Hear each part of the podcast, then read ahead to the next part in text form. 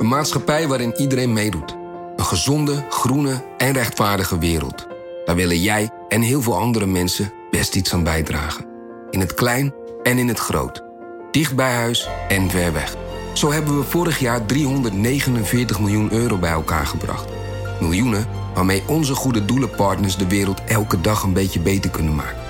Nationale Postcode Loterij. Samen voor een betere wereld. Bij een juridisch conflict kun je het gevoel krijgen dat je in een rollercoaster bent beland. Je wereld staat op zijn kop en je bent de controle even helemaal kwijt. Dan is het fijn als je bent verzekerd bij ARAG.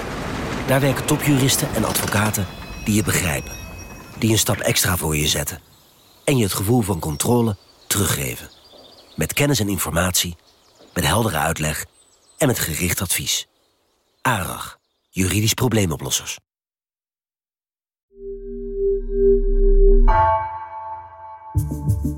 Vanaf de redactie van NRC het verhaal van vandaag. Mijn naam is Egbert Kalsen.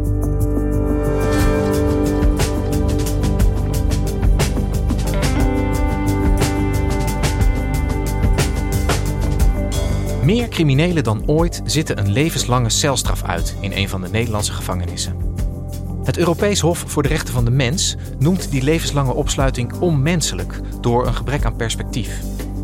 Daarom pleiten juristen voor een verandering van dit systeem. Misdaadverslaggever Bram Enderdijk verdiepte zich in deze discussie. Kun je iemand wel voor de rest van zijn leven opsluiten?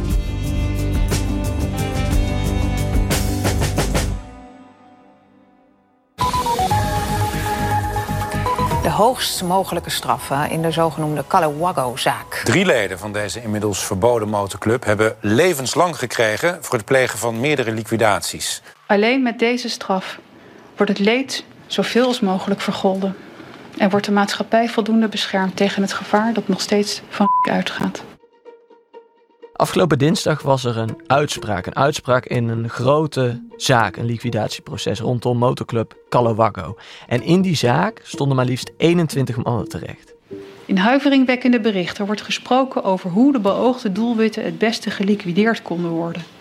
De wijze waarop de liquidaties werden uitgevoerd is als zeer gewelddadig te kenschetsen. En tijdens die uitspraak werden drie van die mannen tot de zwaarste straf veroordeeld die we in Nederland hebben: de levenslange gevangenisstraf. En met deze drie mannen komen er dus weer drie mensen bij die de zwaarste straf die we in Nederland hebben gaan uitzitten.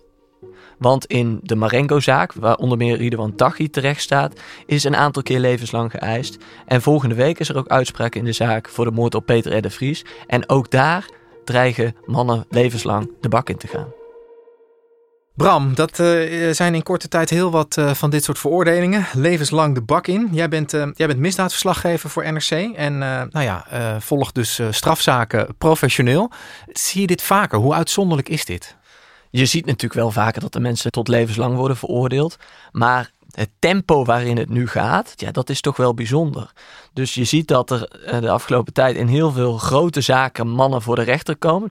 Uh, en dat die ook een levenslange straf ofwel opgelegd krijgen, ofwel dat er een eis door het Openbaar Ministerie wordt neergelegd. Dus wat je kan zeggen is dat er nog nooit in Nederland zoveel mensen met een levenslange straf vast hebben gezeten als nu het geval is. En, en jij, bent daar, uh, jij bent daar ingedoken, hè, samen met, uh, met Camille, Camille Driessen ook van, uh, van onze krant. Kan jij eens vertellen, wat houdt een levenslange gevangenisstraf precies in? Want dat is best, daar, daar is best veel verwarring over volgens mij. Het, het lijkt simpel, hè? Een levenslange straf, dat lijkt, nou ja, je hele leven straf. Dus je hele le leven achter de tralies. En die straf die bestaat al best wel lang. Eigenlijk sinds dat de doodstraf is afgeschaft, zo'n beetje eind 19e eeuw, uh, is die geïntroduceerd. En als je naar de geschiedenis van die straf kijkt, dan valt er iets op. Namelijk, die levenslange straf was nooit de facto een levenslange straf. Want mensen die hem opgelegd kregen, die kwamen eigenlijk bijna altijd vrij. Na 15 jaar, 16 jaar, 17 jaar, soms 20 jaar. Eigenlijk ja, nooit werd hij helemaal het hele leven uitgezeten. En, en heb je daar voorbeelden van gevonden in jullie onderzoek? Van, van mensen die na iets gruwelijks gedaan te hebben, toch na 15, 20 jaar vrijkwamen? Ja, er zijn heel veel voorbeelden, maar eentje vond ik wel heel sprekend. Dr. O uit de Berkel en Rode Reis. Hij is de enige in Nederland die ooit twee keer een levenslange gevangenisstraf heeft gekregen voor twee verschillende moorden. Een unieke gebeurtenis in de Nederlandse strafrechtelijke geschiedenis. En dan gaat het om Dr. O, ofwel de Berkelse huisarts. En die had zijn vrouw vergiftigd. In 1955 werd hij uiteindelijk veroordeeld tot een levenslange straf. Komt hij in de gevangenis en daar vergiftigt hij dan nog een keer iemand, namelijk iemand die met hem in die gevangenis zit. En dan krijgt hij nog een keer levenslang. En uiteindelijk, twintig jaar na zijn eerste levenslange straf, krijgt hij gratie. Dus na twintig jaar komt hij buiten. Uh, terwijl hij volgens mij de enige man is ooit die twee keer een levenslange straf heeft opgelegd gekregen. Ja, twee moorden en dan toch weer na twintig jaar buiten staan. Dat, dat kon toen. Uh, dat Ja. is nu veranderd, uh, als ik jou goed begrijp. Hoe, hoe zit dat nu dan? Kan jij eens uitleggen hoe dat nu werkt?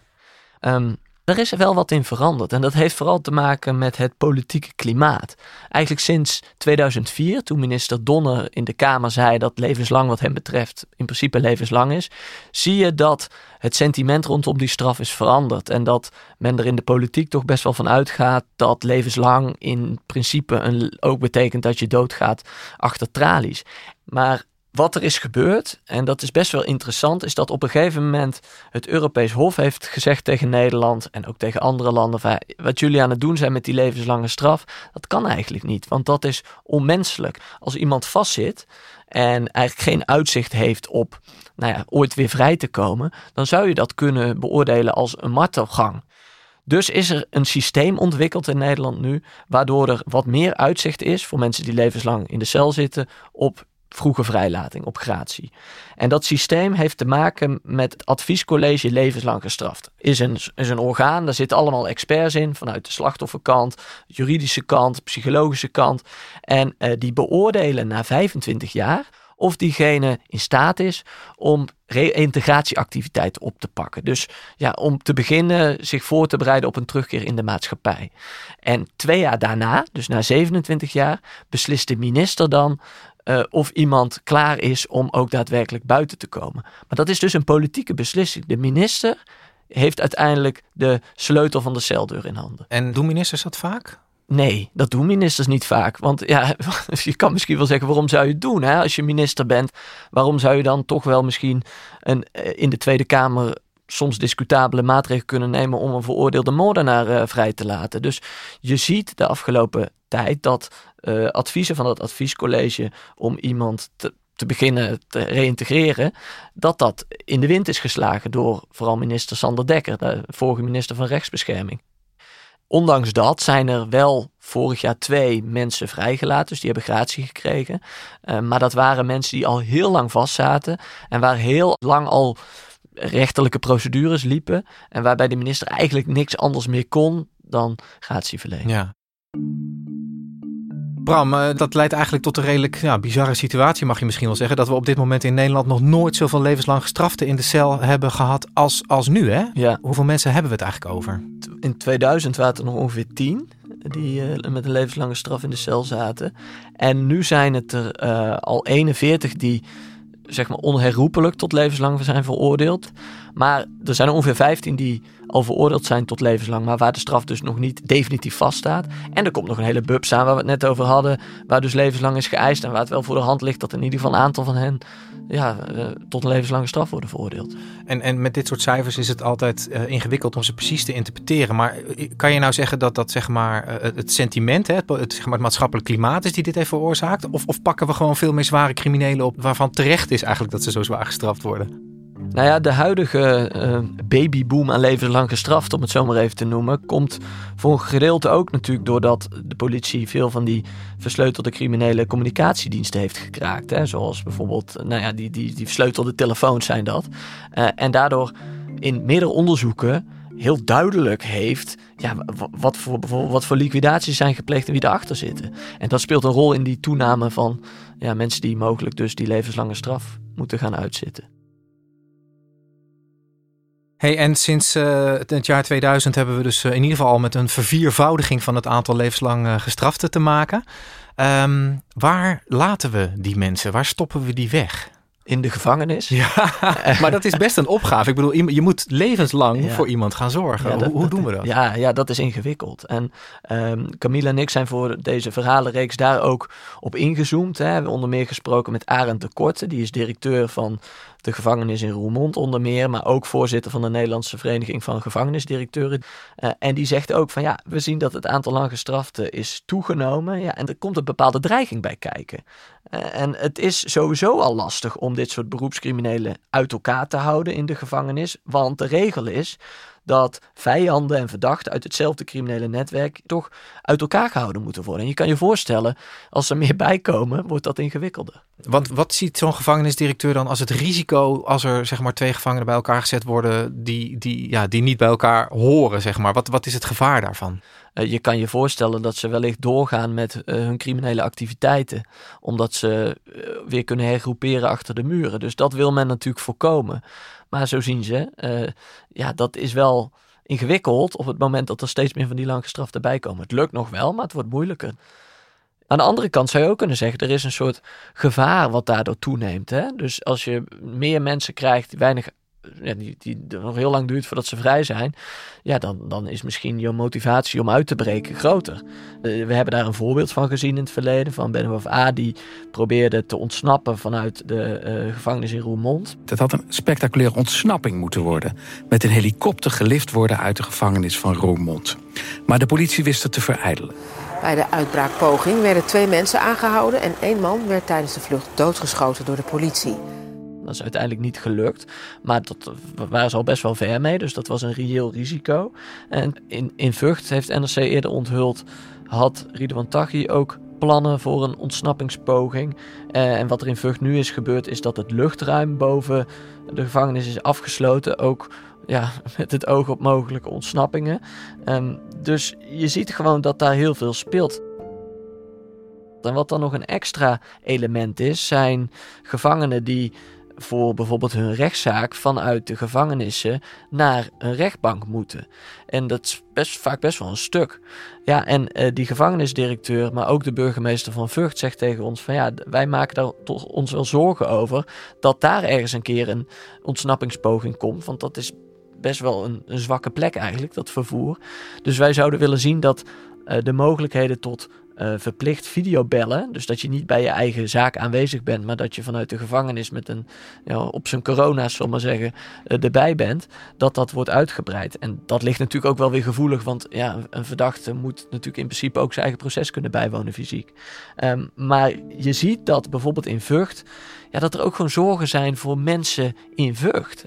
En dat mensen die daar dan toevallig rijden of werken of wat dan ook, daar eh, eh, ook gevaar doorlopen. En wat, wat daarvoor gepland staat, is dat er eh, in Vlissingen dus een extra gevangenis komt, maar daar zou dan ook een rechtbank bij moeten komen. Alleen ja, de planning is nu dat dat niet voor 2028 klaar is.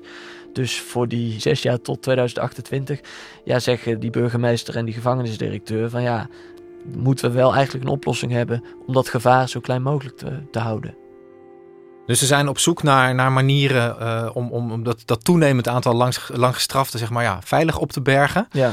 Eh, laten we er even van uitgaan eh, dat daar uiteindelijk een oplossing voor, voor gevonden wordt. D- dan, dan zitten ze dus ook daadwerkelijk de rest van hun leven achter de tralies. Dat is echt de bedoeling. Ik denk dat dat in een aantal gevallen het geval zal zijn. Maar er is iets heel interessants aan de hand als het gaat over die zwaarste straf die we in Nederland kennen, die levenslange gevangenisstraf. We hadden het er net al over dat de minister degene is die, nou ja, die, die kan zeggen van uh, meneer B, meneer C, meneer D mag naar buiten of niet. Maar ja, we hadden het er ook al over dat dat natuurlijk ook ergens een politieke beslissing is. Uh, en alles wijst erop dat dat gaat veranderen. Dus dat niet de minister, maar dat een rechter straks gaat oordelen of iemand naar buiten kan of niet. Uh, en ik verwacht dat dat ervoor gaat zorgen dat, laat ik zeggen, de criteria op basis waarvan iemand naar buiten kan, uh, wat objectiever zullen zijn. En dat dat voor meer mensen zal betekenen dat er meer perspectief is op eerdere vrijlating dan als de minister het voor het zeggen heeft. Maar eh, is dat bieden van perspectief door die beslissing bij de rechter te leggen voldoende? Of wordt er ook nog op andere manieren gekeken hoe dat levenslang zeg maar, aangepast zou kunnen worden? Ja, dat is inderdaad de vraag. Kijk, wat interessant wordt, is wat gebeurt er met reïntegratie en resocialisatie? Want door de beslissing over of iemand buiten mag komen uh, bij een rechter te leggen, dat is één.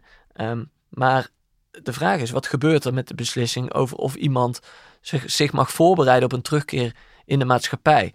Als je dat niet goed regelt, ja, dan heeft die rechter eigenlijk niks om over te beslissen.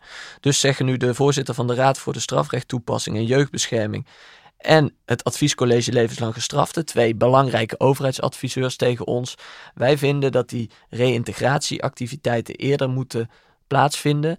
Uh, het adviescollege zegt ook, het zou moeten worden uitgebreid. Dus in de gevangenissen moeten er meer mogelijkheden komen voor bijvoorbeeld verlof voor mensen met een levenslange straf. Um, en het zou ook bij de rechter moeten komen te liggen. Dus dat ook de rechter gaat over, mag ieder, iemand beginnen om zich voor te bereiden op een terugkeer in de maatschappij. Want alleen dan kan eigenlijk een rechter een goed, gedegen oordeel vellen hè, over de vraag of iemand ja, buiten mag komen, ondanks het feit dat hij ooit voor levenslang is veroordeeld. Ja, ja, want daar hebben wij het nog helemaal niet over gehad. Maar het is, de, de basis van een heel groot deel van het Nederlandse strafrecht is natuurlijk ook van je kunt een keer een fout maken. Daar hoort een gepaste straf bij. Maar er moet altijd de mogelijkheid zijn eigenlijk om, om, om zeg maar die fout achter je te laten en weer terug te keren. Ja, en de vraag wordt dus hoe ver gaan we daarin als het gaat over de levenslange gevangenisstraf? Dat wordt heel interessant. Dat is natuurlijk politiek kan dat gevoelig liggen. Want de consequentie hiervan is, let wel, als je dit gaat doen, dan heeft de politiek geen invloed meer over wie er eerder buiten kan komen of niet.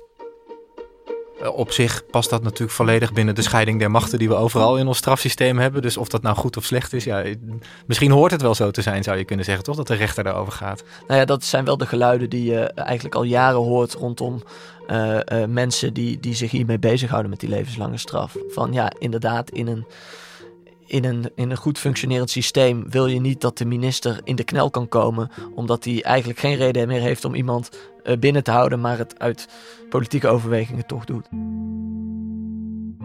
Om dat voor elkaar te krijgen, om eventueel zo'n verandering uh, in gang te zetten, is toch weer de politiek nodig. mm er zit een nieuwe minister, Frank Weerwind. Uh, hoe is hij met dit dossier bezig? Wat doet hij hieraan? Nou, hij heeft een advies gekregen van diezelfde Raad voor de Strafrechttoepassing waar we het eerder over hadden. En die zeiden dus eigenlijk van nou, leg dat nou die beslissing bij de rechter. Hè? Of iemand die een levenslange straf uitzit eerder kan vrijkomen. En daar heeft hij positief op gereageerd. En hij heeft gezegd, dan denk ik aan een nieuw systeem waar een levenslang gestrafte na bijvoorbeeld 30 jaar in aanmerking zou kunnen komen voor voorwaardelijke invrijheidstelling. En dat is een termijn die wel belangrijk is, want de langste tijdelijke straf die we nu hebben is 30 jaar. En daar gaat maximaal 2 jaar vanaf. Ja, dan zit je op 28 jaar. Het zou natuurlijk gek zijn als de levenslange straf korter is in de praktijk dan zeg maar de, de, de langste tijdelijke straf. Dus daar zit nog wel een aandachtspunt. Um, maar dat zou dan het scenario zijn. Ja, en, en, en zou dat uiteindelijk kunnen betekenen dat, dat, dat levenslang toch weer wat minder levenslang wordt dan, dan het nu lijkt te zijn? Dus die aanpassingen? Ik denk het wel. Ik denk dat je best wel kan stellen dat als een rechter gaat oordelen, uh, dat, dat de, de, de criteria wat objectiever zullen zijn en dat het feit dat politieke overwegingen minder een rol zullen gaan spelen ervoor gaat zorgen dat ja, wellicht meer uh, mensen die een levenslange straf uitzitten eerder vrijkomen. Het is wel zo dat zo'n rechter ook rekening houdt met recidieve risico, delictgevaarlijkheid, impact op slachtoffers en vergelding. Hè. Dus het is niet zo dat die rechter even tekent bij het kruisje en dat uh, Ridouan Taghi uh, zeker weet dat hij over 30 jaar weer vrij is. Absoluut niet. Maar het is denk ik wel zo dat we op een kantelpunt zitten in hoe Nederland omgaat met die levenslange straf. En dat als dit doorgaat, dat je zou kunnen zeggen dat die deur van die cel, van die levenslang gestrafte, misschien iets verder open staat. Dankjewel voor je verhaal, Bram. Graag gedaan.